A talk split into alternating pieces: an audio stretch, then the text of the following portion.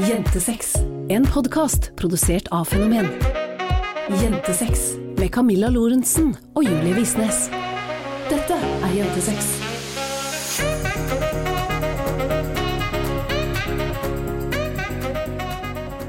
Hallo alle sammen, og velkommen tilbake til en helt ny episode med podkasten Jentesex, din desiderte favorittpodkast, så klart. Og her snakker vi om sex, seksualitet, samliv og selvfølelse oss jenter imellom. Og i denne podkasten så møter du meg, Camilla Lorentzen. Og meg, Julie Visnes. Og nå er det altså første gang vi spiller inn podkast in our brand new house. Fordi forrige uke så var vi jo i den gamle leiligheten vår, satt mellom eh, flytteesker og eh, møkkete sofaer. Eh, Nå sitter vi på en kommode inne på det nesten ferdige soverommet vårt. Julie har brukt eh, time på time på å innrede her inne. Ja, det er nesten ferdig. Jeg er vel kanskje litt å ta i. Det er tre møbler her, og litt på senga, og ja Nei, det det er ikke nesten ferdig. Jeg føler det er mer ferdig enn uferdig. Vi må bare henge opp litt. Og få halvparten av tingene som skal inn hit. Ja ja, men nesten, da. Ja Nei, det er ikke det. Ok, greit, hvis du sier det, så tror jeg på det. Hva har skjedd siden sist, Julie? Eh, Først og fremst så er jeg skikkelig irritert, fordi det er ikke noe lys ute til å ta bilder, så jeg får ikke gjort jobben min. Så jeg er egentlig veldig sur. Ja, det veit jeg jo. Og jeg prøver å sitte her og smile, men uh, vi er ikke i så godt humør i dag. Nei. Nei. I dag er vi, vi Ikke vi, du er alltid i godt humør, det er bare jeg som er forbanna. Hver dag, hele tiden, på vinteren, fordi det ikke er noe lys, og jeg får ikke gjort jobben min. Blir du skikkelig forbanna av det? jeg blir dritsur. Hvordan eh, jobber du med humøret ditt da? Jeg har prøvd å bruke ringlight, og det funker ræva, så jeg, vet ikke helt hva jeg skal gjøre for å jobbe med humøret mitt. Jeg går til banken og melder meg på Nav. Melde på Nav? Er det alternativet å slutte i jobben? Ja, nei, altså det er jo ikke et reelt alternativ, men jeg føler litt for det av og til. Hvorfor det? Fordi det er ikke noe lys. Bare pga. lyset? Ja, altså Når det ikke er noe lys, så får jeg ikke tatt noen bilder som gjør at jeg ikke får gjort jobben min, så ja, veldig avhengig av lys. Vi burde reist til utlandet, det er det du prøver å si. Ja, hadde det ikke vært for jævla korona, så i dag er jeg nok mest sur på korona, fordi på denne tiden i fjor så bestemte vi at vi skulle i november, desember, januar, februar og mars eh, reise. Og her sitter vi, på et uferdig soverom uten lys. Så det er skikkelig god stemning i heimen. Og heldigvis for meg så er jeg vært jeg i godt humør, men jeg kjenner også at jeg sliter litt med å holde humøret oppe eh, når det blir sånn. Men jeg prøver i hvert fall litt. Ja, du prøver, du får det til òg. Det er jeg som ikke får det til. Ja. Jeg skulle ønske du hadde sånn flip switch, sånn som eh, vampyrene i Vampire Diaries. Ja, det hadde vært ålreit. Nei, men så, jeg vet ikke. Den siste uka har det bare skjedd masse drit. Jeg var irritert hver dag. For det første så var det en mann i butikken som kom bort til meg og sa at jeg ikke så lesbisk ut i virkeligheten. Veldig hyggelig han. Og så har det vært posta masse drit på Instagram, så snakker vi snakker litt mer om senere. Og så har du fått masse DMs hvor folk er bitches. Så blir jeg irritert, da. Man skal egentlig ikke si sånne her ting i en podkast, tror jeg. Hvorfor ikke? Skal man være glad hele tiden? Man skal jo være glad hele tiden. Ja, men Altså, vet du, jeg har fått, det fikk jeg også melding om på Instagram for da, to uker siden eller noe, eller tre uker siden kanskje, tiden går så jævlig fort, eh, at eh, jeg er altfor negativ siden jeg eh, legger ut på Instagram når jeg ikke er dritglad. Så det burde man la være. Det burde man la være, ja. Så folk vil gjerne se virkeligheten, men når de får virkeligheten slengt i trynet, så skulle de godt ønske at den var litt mer polert. Ja, ja, ja åpenbart. Er ikke det et paradoks? Altså, og det er ikke kødd engang. Sånn er det jo med kropp, og sånn er det jo med humør, og sånn er det jo med psykiske lidelser, og sånn er det med sykdom, sånn er det med alt, liksom. Vi sier at vi vil ha realiteten, men med en gang vi ser en kropp som er eh, utenfor idealet, eller som har hår, eller som eh, krøller seg, så er det sånn mm, Det burde kanskje ikke være så mye. Med en gang vi møter på mennesker som ikke er oppe og lukter på de rosa skyene hver dag, så er det sånn Du burde kanskje være litt blidere. At man får liksom beskjed om å gjøre det motsatte av det man gjør når man viser realiteten. Ja, og så liksom, skal man føle seg glad hele tiden? Da? Helt ærlig, jeg er drittlei av jævla korona, jeg er drittlei av alle restriksjoner, og jeg er drittlei av at jeg ikke får reise, og jeg er drittlei av at det ikke er noe fuckings lys. Drittlei. Jeg er drittlei. Jeg orker ikke. Jeg, selvfølgelig skal jeg følge de jævla restriksjonene, jeg, og jeg skal sitte på rommet mitt og ikke gå ut av døra, men Can it not be over soon, please? Det hadde vært kjekt med en vaksine snart. Ja. Hva skal vi gjøre for å snu humøret, da? Går det liksom ikke? Ja, I dag får jeg ikke jobba. Vi- Det er ikke noe lys. Nei. Jeg, får ikke jobba hele livet mitt. Det eneste jeg lever for, og jeg liker, og som gjør meg glad, er jobb. Tusen takk. Vær så god. Det setter jeg ekstremt stor pris på. Nei, men altså, når man på en måte har jobba, jobba for å kunne kombinere jobb og hobby, da, så er det jo på en måte Altså, hobbyene man driver med, gjør man jo gjerne fordi det gjør at man blir glad, og at det gjør at man måte finner joy in life og all that jazz, og så Nå sa jeg all that jazz igjen, det har jeg også fått en kommentar på at jeg ikke får lov å si. Unnskyld. Um, så er det litt Altså, det er jo drit når man måte har jobba hardt lenge for å kombinere de, og så går det ikke, og så får man ikke gjort hobbyen sin, og så får man ikke gjort jobben sin heller, og så blir det bare helt sånn her mislykka, og så er det sånn ja, ja, selvfølgelig skal prøve det jeg kan å snu det, men jeg får ikke gjort det jeg har lyst til i dag, så hva faen skal jeg gjøre da? Smile og være glad for at jeg, jeg kan sitte i senga mi, jeg kan ikke engang gå på trening uten å være redd for å bli smitta eller smitte noen eller noen ting, så jeg vet ikke helt. Tenker du mye på det? Ja, jeg tenker på det hver gang jeg går ut av døra, nesten. Eller man Det er jo Altså, det er ting man har underbevisst. Og så er det sånn Ja, man skal ikke si mann, fordi at da fjerner man et eller annet psykologigreier som man skal si jeg, men jeg tror det gjelder alle, så sikkert dere der hjemme og meg, og alle som på en måte føler at med en gang man går ut av huset, så er det en sånn underbevisst greie om å holde avstand og ikke komme for nær, og hvis noen andre ikke holder avstand, så får man sånn stress, i hvert fall jeg da får sånn stressfølelse i kroppen, og og altså, ofte så er det jo lettere å bli hjemme, fordi når jeg går ut, så er det ikke sikkert jeg klarer å holde avstand, eller plutselig så glemmer jeg å ta den tilbake når jeg går inn i den ene butikken, selv om jeg har tatt på den tilbake 15 ganger i de andre butikkene, eller Ja, hva tror du? Jeg tror at man sikkert reagerer ganske forskjellig på det. Jeg og du er jo ganske forskjellige på sånne ting. Ja. Eh, jeg òg er jo veldig Altså, jeg merker det når jeg er på Farman, vi har jo vært der et par ganger, på kjøpesenteret her i Tønsberg, at jeg er veldig obs på å holde meg unna folk. Og jeg er veldig obs på på en måte Jeg går ikke og ser ned i telefonen lenger, som jo sikkert er en bra ting, jeg vet da faen, jeg. Men jeg går jo hele tiden og ser om andre er i nærheten av meg, eh, tilpasser farta mi til andre, går forbi bare når det er luke. Altså, det er litt som å kjøre bil og ha sånn 1001, 1002, 1003-regel. Men det påvirker meg nok ikke så mye utover det, fordi jeg ikke tenker så veldig mye over det. Eh, og så kan det jo også ha noe å gjøre med at du og jeg er ganske forskjellige hva gjelder liksom sosialt stimuli. Ja. Jeg har det veldig fint med å møte ett menneske i uka. Mm. Eh, Da er jeg kjempefornøyd. Fordi jeg blir Jeg syns det er veldig hyggelig å være med andre mennesker, og noen mennesker kan jeg være mye med, sånn som Sølve og Tonje og sånne type ting kan jeg gjerne henge mye med, og åpenbart deg, da.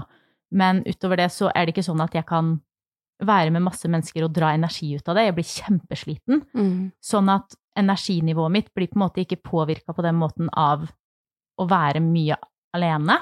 Mm. Men der tror jeg du er litt annerledes enn meg. Ja, altså jeg er jo det nærmeste, holdt jeg på å si, man kommer 100% ekstrovert, tror jeg. Um, jeg pleier jo å være med venner fire til fem ganger i uka, sånn egentlig. Uh, og det siste året så har jeg sett hva da? Tre mennesker. Um, så jeg merker at det, det tar på at jeg ikke får den interaksjonen in real life, da, som jeg gjerne skulle hatt. Og så syns jeg at det liksom Jeg syns nesten det er vanskeligere å, å bruke FaceTime enn å møte folk i virkeligheten, og at det er veldig sånn tiltak. Og det er veldig sånn, jeg vet ikke om den personen kan, og å avtale FaceTime-dates er liksom tiltak, men så er det jo egentlig ikke det. Men så føles det sånn likevel. Og så er det veldig eh, intenst å ha en FaceTime-date, fordi du må liksom være eh, i ansiktet, bokstavelig talt, på den du snakker med hele tiden. Det er liksom ikke noe sånn Hvis man henger sammen, så bruker man jo gjerne litt tid på andre ting enn å bare sitte og se hverandre rett i øya og snakke. Ja, og så deler man ofte liksom felles interesser, og man har interesser som, som man gjør sammen, da. Som man ikke får gjort på FaceTime. Men- Eller, det, altså, det går jo an å drikke vin på FaceTime, men det er ikke helt det samme. Nei, det er kanskje litt annerledes. Skåle liksom med å dytte glasset opp i kamera. Ja, men altså, sånn, altså, det blir veldig negativt det her, og Ja, men er ikke det litt lov, da? Altså, vi kan snakke masse om på en måte at eh, vi skal se det beste i det og finne løsninger, og, men det er lov å være lei. Ja. Og det er lov å være sliten, og det er lov å ha lyst til at ting skal gå tilbake til det vi tidligere kjente som normalt. Og jeg tenker også det er fint for andre å høre at de er ikke aleine om å kjenne det sånn. mm, Um, og at det er deilig å vet ikke, jeg, bare vite at det er lov å være lei. Men altså, hva kan vi gjøre for å liksom snu det, da? Er det noen liksom måte å Fordi tingen er jo at det kommer jo til å være sånn en liten stund til, i hvert fall. Ja, og altså, vi vet- jo ikke hvor ja. lenge. Nei, jeg følte de første månedene, så var det på en måte greit. Fordi at da hadde jeg ikke den derre lunta som på en måte var tre centimeter lang, og, og alt det der som følger med. Mens nå er det så vanskelig fordi at det, det har vært så innmari lenge, og vi er så lei, og da er det også mye vanskeligere å snu det, fordi at jeg blir så lei meg og irritert, og du vet at jeg blir lei meg egentlig, og så kommer du som irritert, men Nei, altså, jeg vet ikke, man må jo jobbe med mindset, da. Jeg må i hvert fall jobbe med mitt mindset, men jeg syns det er skikkelig vanskelig. Er det oppskrytt å jobbe med mindset? Nei, det tror jeg absolutt ikke det er. Altså, på enkelte områder, på en måte sånn selvfølelse og kroppsbilde og alt mulig sånn, så har jeg jo fått sykt mye igjen av å jobbe med, med mindset, men jeg vet ikke, det er på en måte Kanskje har noe med å gjøre at jeg ikke føler at det er mitt valg. At jeg føler at det er noe som er på en måte påtvunget meg, og at jeg sitter her og, og følger noe som jeg må følge. Og jeg vet at jeg må følge det, men jeg syns fortsatt det er vanskelig å, å jobbe med mindsettet på ting noen andre har bestemt for meg, Mm. om det gir mening. Ja, at du ikke føler at det liksom er ditt personlige valg. Det er ikke du som har valgt å jobbe med noe. Du må jobbe med noe fordi ting ja, er, er, som de så, er. det er litt som en breakup hvis man har blitt dumpa, liksom. Det er, det, det er litt vanskelig å, å flip the switch. Men så har jeg ikke vært i den på en måte rutten så innmari lenge heller, så det kan hende man, eller jeg, kommer ut av det automatisk og på en måte klarer å se at det er verdt å jobbe med på sikt, men sånn akkurat nå så syns jeg det bare er drit. Men hva er det du gleder deg til utenom korona, da? Liksom når korona ikke var til stede, hva var det du gleda deg til å bruke tid på å gjøre da? Være med venner, altså gå på trening, og på en måte være på trening og fokusere på meg og stenge hele verden ute, og det får jeg jo ikke gjort lenger. For når jeg er på trening, så må jeg på en måte ta hensyn til så innmari mye annet enn meg, da, og treninga mi. Um, gleder meg til å reise, gleder meg til å gå på kjøpesenteret og window shop. Altså Det er bare alle de tingene som på en måte går så innmari inn på meg fordi jeg tar ting eller koronating, da, innover meg så veldig mye. Det er jo garantert, du er jo ikke så ille på det der, så det er jo sikkert an annerledes for Ja, men folk. så er også mine hobbyer annerledes. Altså mine hobbyer som å, å gå tur og høre på lydbok, og gå med hundene og være i skogen og alle typer ting, er jo ting jeg fortsatt kan gjøre. Så det er jo ikke noe sånn at det er påvirka av situasjonen på samme måte som dine hobbyer eller det du liker å bruke tid på. Nei. Så det blir jo på en måte litt annerledes. Jeg tror det er vanskelig for meg å si at ja, men det er jo bare å. Fordi for meg er det bare å, siden jeg allerede har Eller jeg fremdeles har alle de tingene jeg liker å gjøre tilgjengelig. Jeg liker å pusle hjemme, og jeg liker å skru møbler, og jeg liker å uh, gå på tur, og jeg liker å være med hundene ute i skogen, og jeg liker liksom alle disse tingene som er mulig å gjøre uavhengig av korona, da. Ja. Og ja, jeg savner litt å sitte på kafé og jobbe, men uh, det er liksom én ting. Ja. Og en liten ting. Og så tror jeg bare blir liksom ekstra provosert når jeg ser det er så innmari mange som måtte bryte retningslinjene og gjøre alle de tingene som jeg har lyst til å gjøre. Og så vet jeg at vi, vi har ikke sjans til å på en måte bryte noen retningslinjer eller, eller gjøre noen ting som på en måte går mot det vi skal gjøre, og da blir jeg på en måte dobbelt så frustrert, for da blir jeg sånn ok, men denne personen gjør det, denne personen reiser til Dubai, ikke at jeg noen gang ville reist til Dubai uansett, men altså bare det å på en måte bli eksponert for folk som gjør alt det jeg har lyst til å gjøre, tror jeg også er på en måte jævlig vanskelig. Blir du misunnelig, på en måte, men samtidig sint? Ja, altså det blir jo sånn oh my god, I wish. Og så blir det sånn sånn hva faen? Hvorfor? Hvorfor er det altså, Og det er jo ikke forskjellsbehandling engang, fordi retningslinjene er jo det samme for alle, men jeg føler likevel at det blir liksom ok, greit for deg og ikke greit for meg. Så ja, det blir jo absolutt sikkert en sånn misunnelsesfølelse, men samtidig mest sint, tror jeg, fordi at jeg kunne jo aldri funnet på å gjort det selv, så jeg vet ikke. Jeg tror bare det er Det har, har vart lenge nå, Ja. og jeg begynner å bli lei, og det går utover humøret mitt, liksom, og det går utover energien min og, og alt det der, og så Sånn er det med den saken. sånn er det med den saken. Det som er flaks, er at det går mot sommer. Ja. Sånn at Ja, for det var jo Men samtidig, på sommeren i fjor, så var det jo ikke de samme restriksjonene som det er nå, da. Nei, ikke i det hele tatt.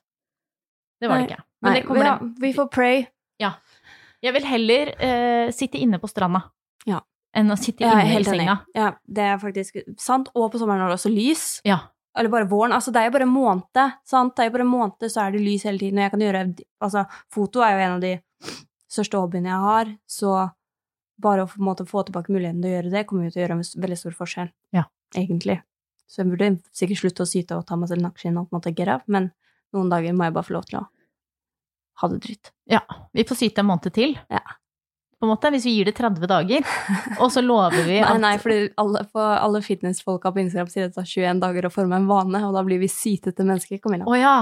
Så 20 dager, da kan vi gi oss sjøl. Ja. Den 21. dagen så må vi bryte vanen Ja. med å syte. Eller eventuelt eh, prøve nå med å bryte vanen med å syte, men det høres litt vanskelig ut. Ja. Så hvis vi gir oss sjøl 20 dager til å syte, Ja. eh, og så kan vi bryte det, og så kan vi komme ut som bedre mennesker på andre siden. Det er greit. Det betyr ikke at vi skal ha negativ podkast i eh, tre uker til, altså, folkens. Nei, det var bare i dag. Hadde jeg kunnet velge, så hadde jeg sikkert spilt inn podkast en annen dag, men det er sikkert greit å, å få fram uansett at det, not everything is sunshine and flowers og regnbue ut av ræva. Nei. Regnbuer ut av ræva er det beste jeg veit, men det ble ikke noe av det i dag. Jentesex. Med det sagt så er det på tide å gå over til dagens tema, og for å være helt ærlig så vet jeg ikke hva jeg skal kalle det. Nei, altså, det er jo et irritasjonsmoment til, da. Ja, Det det, er og det er jo fint. Siden vi på en måte er på den streaken allerede, så tenkte vi at vi bare kunne fortsette den ut i temaet i dag. Fordi eh, tidligere i dag, tror jeg, så ble det lagt ut på en av mine favorittprofiler på Instagram, som er Oh my god, just don't. Altså, de legger ut så masse sjuke ting som influensere sier og gjør og legger ut, og jeg koser meg i hjel med den siden. Håper jeg havner der en gang, men samtidig ikke.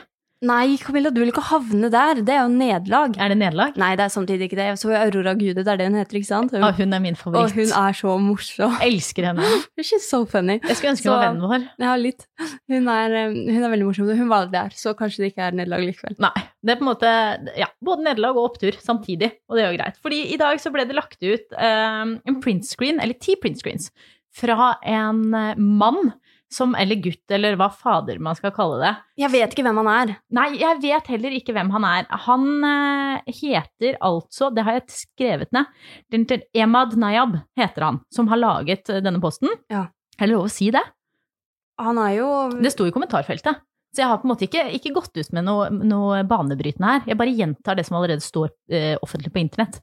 Ja, altså når man har ytringer, så kan man vel altså, name-droppe, men altså navnet har jo også ingenting å si, for dette er jo holdninger veldig mange har, Ja. og på en måte sitter med, og ikke sier høyt, og jeg har jo på en måte vært i mange guttegjenger tidligere, hvor um, dette også har blitt nevnt. ja. Så har... jeg tror ikke det er noe hemmelighet blant menn at det på en måte Altså, vi hadde jo den greia Det er off, sorry, off topic, men uh, eksen til Sofie Elise han la ut et sånn langt innlegg om at eh, jenter ikke burde veie mer enn 50 kilo og bla, bla, bla. Så dette har jo vært eh, en, en greie lenge. ja, det hadde vært fint om jeg veide 50 kilo, ja.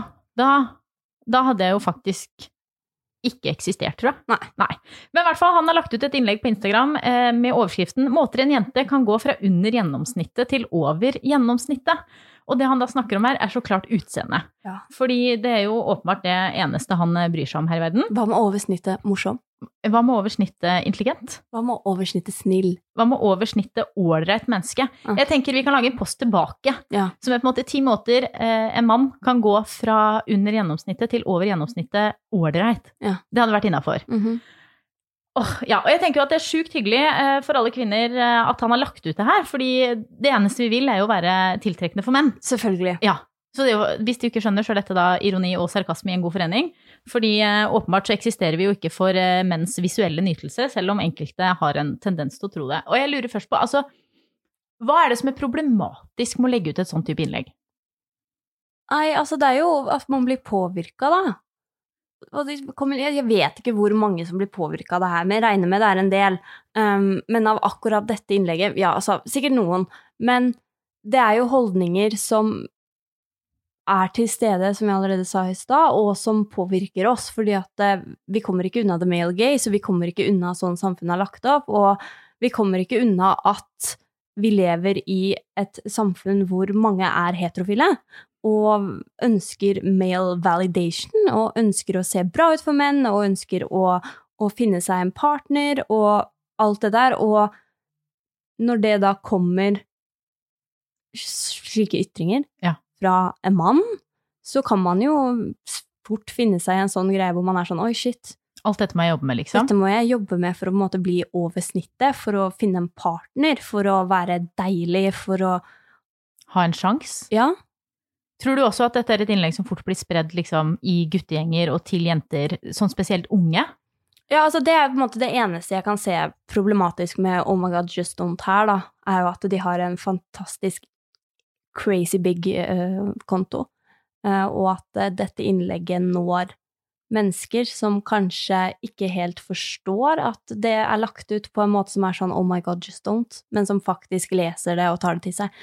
Jeg vet ikke hvor mange følgere denne personen har på Snapchat, men ja, jeg tror definitivt, og spesielt også når det spres via Oh my god, just don't, så blir det også spredd i mange DMs. Jeg fikk jo tilsendt innlegget på DM. Um, så ja, det, det, jeg tror absolutt det.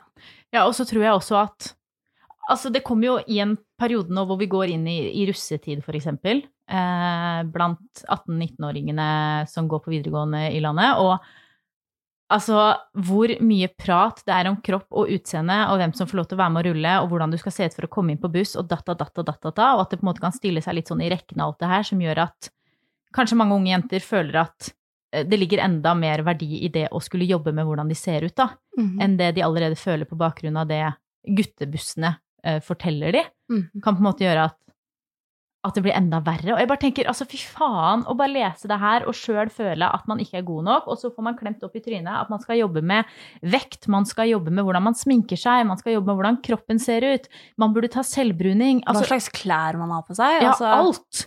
Alt mener altså denne uh, gutten at jenter bør jobbe med for å bli over gjennomsnittet deilig, og jeg bare orker det ikke, liksom. Mm, mm. Har du sett at en kvinne har lagt ut noe sånt noen gang? Ja, det har sikkert skjedd. Garantert. Helt, helt sikkert. Men altså, det er så mye mindre, da, enn fra menn til kvinner.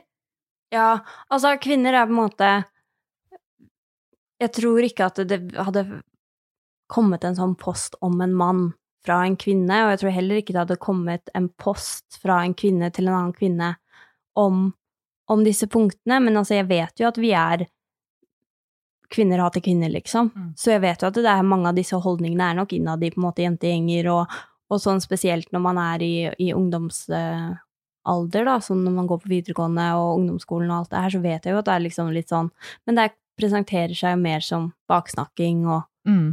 og utestenging og, og sånne type ting, da. Men det at det på en måte står svart på hvitt òg, kan jo også føre til at disse jentene som ikke føler til at de passer inn i de kule jentegjengene, føler at de må jobbe med det. Har du noen gang følt på det liksom opp igjennom at du burde gjøre noe med måten du ser ut på, måten du kler deg på, for å passe inn, eller for å ha sjans hos Altså in your straight period, ha sjans hos gutta? Nei. Men jeg har øh, generelt ikke passa inn i det hele tatt. Fordi at jeg har jo eh, I ungdomsskolen og videregående så har jeg bare Altså, jeg trente jo, og dansing var hele livet mitt. Um, så jeg hadde på en måte aldri tid til det derre festegreiene og eh, russetidgreiene og venninnegjenggreiene og guttegreiene. Altså, jeg, grunnen til at jeg fikk kjæreste på, i midten, midten av videregående, var fordi denne gutten ikke slutta. Han sendte meg Facebook-meldinger, og han gikk på samme skole som meg, og han var liksom He hyped me up about my dancing and everything. Så det var på en måte grunnen til at jeg, jeg brydde meg om det i det hele tatt. Og så begynte jeg på jussen, og da var det på en måte sånn Altså, jeg var, sklei inn i en jentegruppe, liksom, og ja, det var mye prat om på en måte diets og, og sånne type ting, men jeg har aldri kjent på, kjent på disse greiene for å være med gutter. Men så kan jo hende det er fordi jeg er lesbisk, liksom. Ja, det er jo en eh, potensiell eh, årsak. Jeg ville jo heller at jentene rundt meg skulle på en måte godta, godta meg, da, og synes jeg var pen og, og fin og sånn. Men jeg har redigert, da, bilder. Mm. Um, det har jeg. Hvorfor det? Altså, jeg har alltid vært så jævla bred over skuldrene. Og det er jeg jo, det er på en måte helt ok, men før, sånn jeg var 18-19-20, så syns jeg bare at det, det var veldig manly. Og jeg ville heller ikke trene for å få muskler og Men jeg husker jeg fikk en kommentar det må ha vært i andre klasse på videregående, tror jeg. Så var det en sånn eh, gutt i klassen som sa at eh, jeg var mer bøff enn bolerne. Oh. Så det kan hende det, stammer litt derfra. Hva redigerte du på Ja, bildene? skuldrene mine, ja. Skuldre? Ja, smalere. Mhm. Alltid? Aha. På hvert eneste bilde? Ja. Hva gjorde det med selvbildet ditt, da? Nei, altså, jeg, selvbildet mitt ble jo ikke bedre før jeg slutta å redigere. Så åpenbart så hjalp det ikke i, i det hele tatt. Men uh, altså, jeg følte jo at de kommentarene jeg fikk, ikke var valid. Så jeg følte at jeg løy på internett. Men du gjorde jo det, på en måte. Ja, ja, jeg gjorde jo det òg, men det var jo den følelsen jeg satt igjen med også. Det var ikke sånn at det gjorde at jeg følte meg bedre. Det gjorde jo bare at jeg, jeg følte at jeg la ut et bilde av meg selv som ikke var realiteten, noe jeg også gjorde. Ja, jeg har jo aldri redigert bilder. Nei, men var du, har Ja. du kjent på Ja, masse. Jeg har nok vært litt sånn annerledes fra deg der, fordi jeg har jo ikke uh, trent, for å si det sånn, eller hatt liksom noe annet enn skole. Skole var liksom min greie, jeg var god på skolen og ville passe inn der. Og jeg begynte på min første diett da jeg var 16, og fra jeg var 16 til jeg var typ 26, så gjorde jeg ikke noe annet enn å gå på dietter. Uh, for å bli tynnere og for å passe inn, og jeg hang jo masse på fitnessbloggen, herregode gud for et sted, Uh, hvor vi på en måte det var et sånn eget forum hvor vi snakka om dietter, og vi snakka om slanking, og guttene snakka om hva de syntes var pent på jenter og ikke pent på jenter, og de jentene som på en måte hadde en spesiell type kropp, ble liksom hausa opp og fikk masse kommentarer på at de var så flotte og fine, og at de tok seg selv seriøst, og at de eh, turte å liksom satse på seg sjøl og jobbe for å be the best version, version, version of themselves and everything. Så jeg følte masse på det, og gjorde alt jeg kunne for å på en måte se ut som de. Eh, Bestilte konsultasjon for å operere puppene mine. eh, Sminka meg masse sånn at ingen kviser skulle funke. Tok og dro inn magen alt jeg kunne, og poserte som bare faen hver gang jeg tok bilder på Instagram. Jeg har jo aldri kunnet sånne redigeringsting, så det har jeg jo ikke gjort. Eh, Det var en periode jeg gjorde øynene mine som hvite. Husker du det? At det var en sånn greie. Det så jo ut som at jeg hadde en demonbesettelse, eller et eller annet i den duren. Men det var vel det eneste jeg gjorde. Ja. Og ja, tenner og øyne, at jeg gjorde det hvitere. Men selv om jeg ikke redigerte bildene mine på Instagram, så følte jeg at fordi jeg poserte så mye som jeg gjorde, eh, så så jeg ikke ut sånn i virkeligheten. Og det gjorde at jeg ble redd for å møte folk typ sånn face to face, for jeg ble redd for at de skulle liksom se at jeg var en scam. Og at jeg ikke var den jeg utga meg for å være, og at jeg var tjukkere enn jeg egentlig var, og at jeg var Altså, jeg bare ikke så ut som jeg gjorde da, fordi jeg verdsatte liksom utseendet så sykt mye høyere enn alt annet. Ja, men det, det kan jeg godt kjenne meg igjen i. Eh, Det der med å, å verdsette utseendet over alt annet. Jeg bare klarer ikke helt å identifisere hvorfor jeg gjorde det.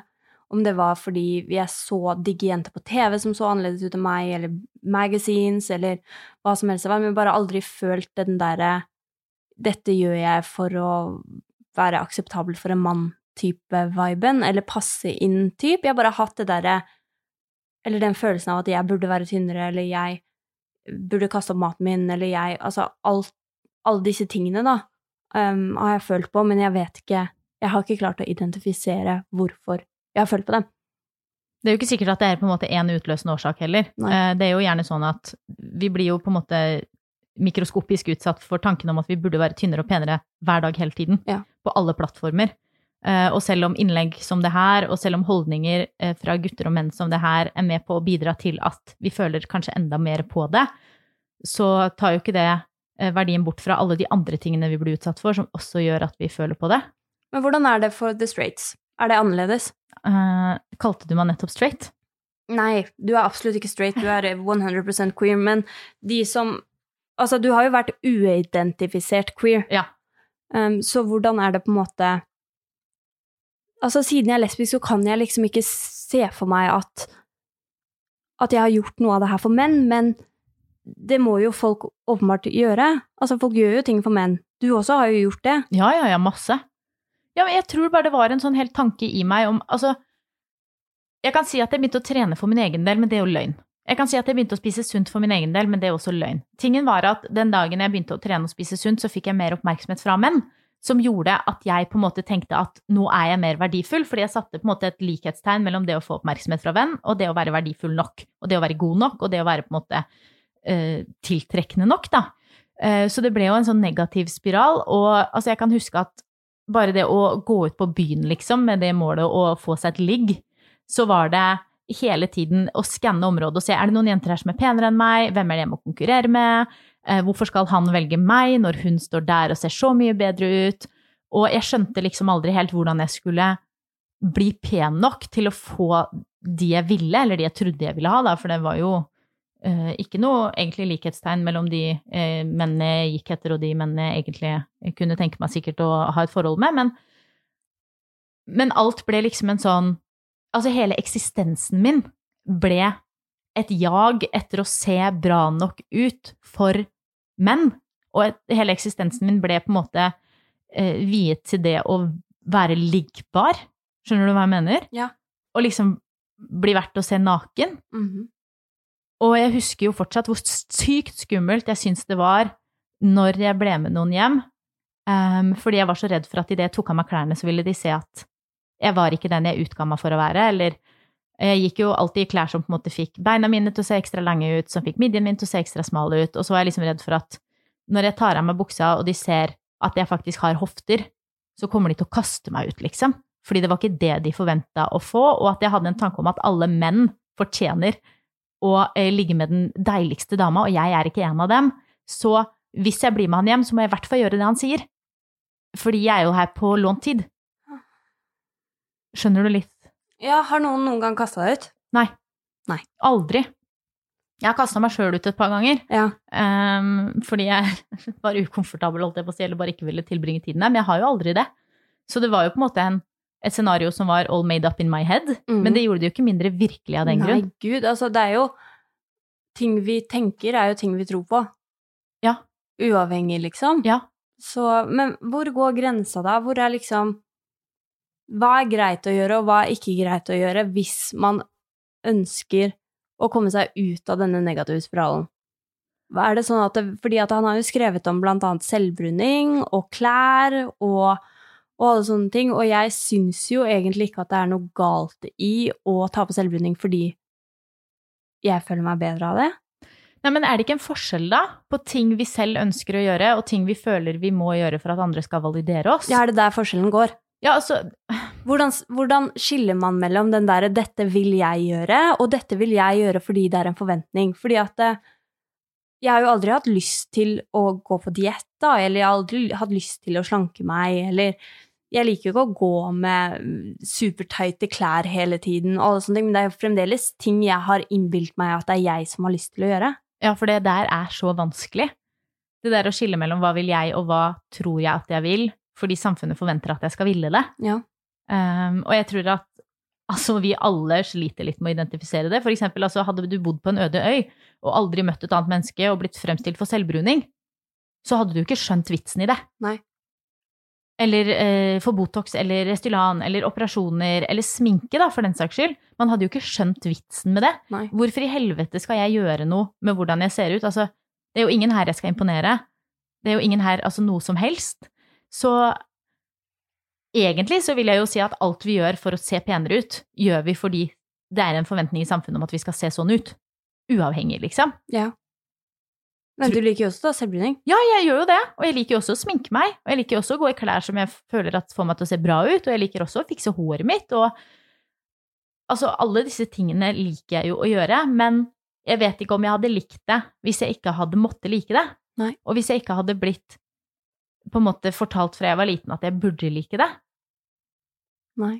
Altså det, det, jeg syns også det er skikkelig skikkelig vanskelig å skille mellom hva jeg gjør fordi jeg har lyst, og hva jeg gjør fordi samfunnet har påvirka meg til å ville ha lyst. Mm. Men bare tenk da hvor mange businesser som hadde bare gått til helvete. Altså vår business hadde også gått til helvete. Hvis vi hadde slutta å bry oss om Ja, det hadde det jo. Faktisk. Alt hadde jo gått til helvete hvis vi hadde slutta å bry oss. Og samtidig så er det jo det vi egentlig vil. Ja. Er vi hyklere da? Altså, jeg vet ikke helt, fordi at det, Vi prøver å velge samarbeidspartnere som har gode verdier, og som eh, fremmer mangfold, og som eh, produserer ting på en etisk måte, og altså, jeg ville aldri reklamert for Botox eller Restylan, eller noen ting sånn sett, og, men altså, jeg reklamerer jo for sminke. Mm. Jeg reklamerer jo for klær og alle sånne ting, så jeg vet ikke. Kanskje vi er litt hyklerske, da. Men jeg bruker det jo. Ja. Og det er jo ikke sånn at jeg på en måte promoterer at man ikke skal kle seg i fine klær, at man ikke skal sminke seg, at man ikke skal bruke selvbruning, at man ikke skal bruke vippeserum hvis man vil det, men Jeg vet ikke. Jeg promoterer ingenting jeg ikke bruker selv, og det gjør jo ikke du heller, men Vi vet ikke om vi bruker det fordi vi vil bruke det, eller fordi vi føler at vi må. Nei. Oi. Nei, nå fikk jeg en veldig sånn eksistensiell krise. Ja, man får sånne eksistensielle kriser. Nei, Nei. Men, men altså, hva er de beste tipsene vi kan gi, da, til uh, folket som blir uh, altså eksponert for um, uoppnåelige standarder hver dag, og som blir eksponert for menn som skriver lister om hva de må gjøre for å være deilig nok, eller Skal vi gå gjennom den lista over alt han har skrevet? Eller er det bare å spre galle videre? Ja, vi, vi, jeg tror ikke Altså, overskriftene handler jo på en måte om vekt og fettprosent, om hva slags klær man bruker, sminke, selvbruning, um, at man burde trene mer, stilen man har, alle disse tingene her. Og det er jo ting som vi indirekte blir eksponert for hver dag, blant annet gjennom Instagram og gjennom reklamer og og alt sånn, så jeg tror egentlig ikke det er noe vits å på en måte lese opp det han skriver. Hvis dere har lyst til å lese det, så kan dere gå inn på Oh my god, oh my god, just don't og lese det selv, men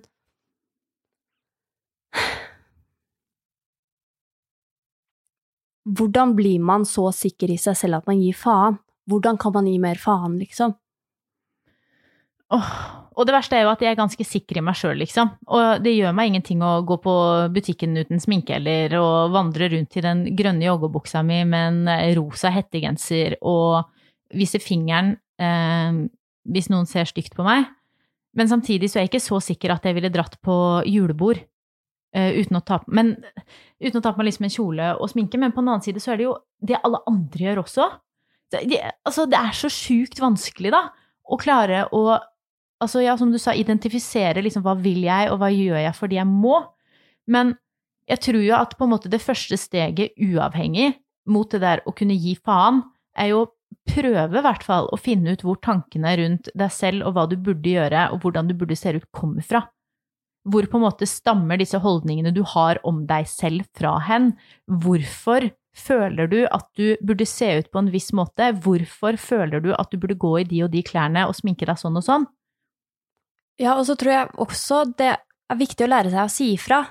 Um, fordi at vi Det er veldig sånn herre Oh, cut the friendships hvis de behandler deg dårlig, eller cut the friendships hvis de snakker om eh, dietter rundt deg, eller cut the friendships, men kan vi ikke heller begynne å øve på å si ifra, og si sånn ok, men noen Si at du sitter med venninnene dine på eh, restaurant i ikke-koronatid, um, og så spiser dere dessert og så kommenterer noen av de oi, shit, nå må jeg trene, nå må jeg løpe, nå må jeg burn this shit off. Kan vi normalisere at vi sier hei, um, jeg syns det er litt vanskelig når vi snakker om mat på denne måten, kan vi være så snill å snakke om noe annet, og på en måte ikke snakke om det fordi det gjør at jeg føler meg dårlig. Altså, hvis det er venninnene dine, så aksepterer de jo det. Kanskje de til og med klarer å ta en runde og tenke oi, ja, det var kanskje ikke så Nei, det er jo Altså, å fikse sitt eget forhold til mat og kropp, da. Ja, og så er det jo kanskje nettopp de tingene som altså påvirker oss mest også, for de normaliserer så sjukt de holdningene som eksempel i dette innlegget da kommer fram som litt ekstreme. Fordi det er veldig lett når eh, han som har gjort det her, legger ut det og ser hva faen er det han driver med for noe? Altså, tror han at han kan sitte der og komme med ti punkter til hvordan jenter skal bli diggere? Altså, fuck deg, fuck alle vennene dine, og putt en finger opp i rasshølet. Det er veldig lett men når det kommer fra nære og kjære, når det kommer fra en mor som sier at hun burde gå ned tre kilo, når det kommer fra en bestemor som klyper deg i magen og sier at du har lagt på deg, eller når det kommer fra venninner som sitter og diskuterer hvor mye kalorier det er i en kake, og hvor mange kilometer de må løpe for å brenne det bort, så er det mye vanskeligere å identifisere at alle disse små tingene til slutt fester seg hos deg som holdninger til deg sjøl og din egen kropp. Mm. Men så tror jeg kanskje det er der den største påvirkningen ligger også. På en måte i det eh, miljøet vi omringer oss med, da. Og i de nære og kjære som, som hele tiden kommer med sånne små ting som fester seg bakerst i hjernebarken vår og fører til at vi får en følelse av at vi ikke er gode nok, og at vi burde strebe etter å spesielt se annerledes ut enn vi gjør. Og at det ikke nødvendigvis kommer fra TV eller Instagram eller dumme menn som legger ut lister på Snapchat over hvordan du skal bli diggere. Og på en måte ta et lite røfs der. Og det er jo små ting her og der hele tiden. Uh, og jeg tror det å si fra er på en måte ti av ti. Sikkert kjempevanskelig. Ja, gud, det er jo Men det blir lettere for hver gang man gjør det. Mm. Første gangen jeg føler sikkert helt jævlig. Men bare tenk at det er, det er som hva som helst annet som man ønsker å på en måte endre på, eller skape en vane på, eller Første gang man drar på trening er også kjempevanskelig. Første gangen man eh, skal gi noen et eh, kompliment fordi man syns det ikke er også kjempevanskelig. Altså, alt er vanskelig første gang man gjør det. Mm. Så må man bare spørre seg selv om det er på en måte resultatet blir verdt det eller ikke. Og så tror jeg også at man kanskje, hvis det å si fra er litt for vanskelig, for jeg skjønner at det er det for mange, også kan begynne å identifisere det for seg selv. Ja. Eh, hvis This du, is diet culture talking. ja, dette, eh, altså hvis du sitter i vennegjengen på restaurant og spiser is, og Madeleine sier at nå må hun løpe fem kilometer i morgen for å brenne det bort, hvis du ikke er komfortabel med å si høyt hei, kan du holde kjeft om det der, fordi jeg syns ikke det er noe hyggelig å prate om, så kan du også ta en runde inni deg selv og ha en sånn oi, shit, så trist for Madeleine at hun er så påvirka av the diet culture og tanken om å være tynn at hun føler det på den måten. Jeg har ikke lyst til å føle det sånn, derfor skal ikke jeg gi etter for de samme tankene som Madeleine gjør. Mm. Um, og det kan også være et supert sted å starte. ja, men bra. Start der. Start der, og jobb deg videre. Så uh, håper vi at uh, sånne lister som det her forblir uh, bak oss i 2021 og aldri kommer igjen. Og hvis du som gutt sitter og hører på dette og syns at det er ålreit å fortelle jentene rundt deg hva de burde gjøre for å være diggere, så la være. Hvis du sitter og hører på som jente og føler at det er ok å fortelle venninnene dine hva de bør gjøre for å se ut som eh, noe diggere, så la være. Og hvis du sjøl eh, kjenner at du har noen rundt deg som gjør det, så si fra, eller identifiser det for deg sjøl. Yes. Perfekt. Du hører Jentesex. Skal vi skjøtte på med spørsmål, da? Ja, jeg gleder meg til det. Det første spørsmålet denne uka kommer fra Kine, og hun sier Hei, jeg har hatt dårlig sexlyst en altfor lang periode. Siden ca. oktober har hatt sex og onanert siden da. Jeg har kjæreste, han digger meg, og jeg han for så vidt. Men én ting jeg har tenkt på. Kan det være usunt å da tvinge seg til å onanere alene når samboer er borte, for å bli vant til at det skjer noe der nede? For nå orker jeg ikke mer. Nå er det altfor lenge siden noe som helst har skjedd, at jeg tror ikke fitta mi har, har noen annen funksjon enn å tisse. Vi har prøvd forskjellige ting sammen, men jeg blir bare sint og fra meg. Stressa og utilpass. Hjelp. PS. Vi har vært sammen i seks og et halvt år, jeg er 30 år, jeg er fortsatt kjempeglad i han og får kriblefølelser. Åh, så hun har ikke onanert eller hatt sex siden oktober? Nei. Men fram til det så hadde de et Eller jo, men hun skrev 'jeg har'. Og jeg har onanert og hatt sex siden oktober, men Ja. kanskje hun glemte den ikke. Ja, men det hun sier er Det hun lurer på, er om det kan være usunt å tvinge oh, ja. seg selv til å onanere alene når samboer er borte for å bli vant til at det skjer mer. Så hun har jo sikkert onanert, for det står 'har hatt sex og onanert siden da', men hun har ikke hatt sexlyst. Så hun har gjort det selv om hun ikke har hatt lyst. Ja. Skjedde det noe i livet til eh, Kine i oktober som gjorde at det her forsvant?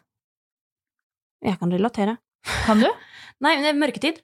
Hvordan da? Nei, altså, det klikka jo for brystet mitt, for eksempel, i oktober. Um, vinterdepresjonen pleier å kicke inn i oktober.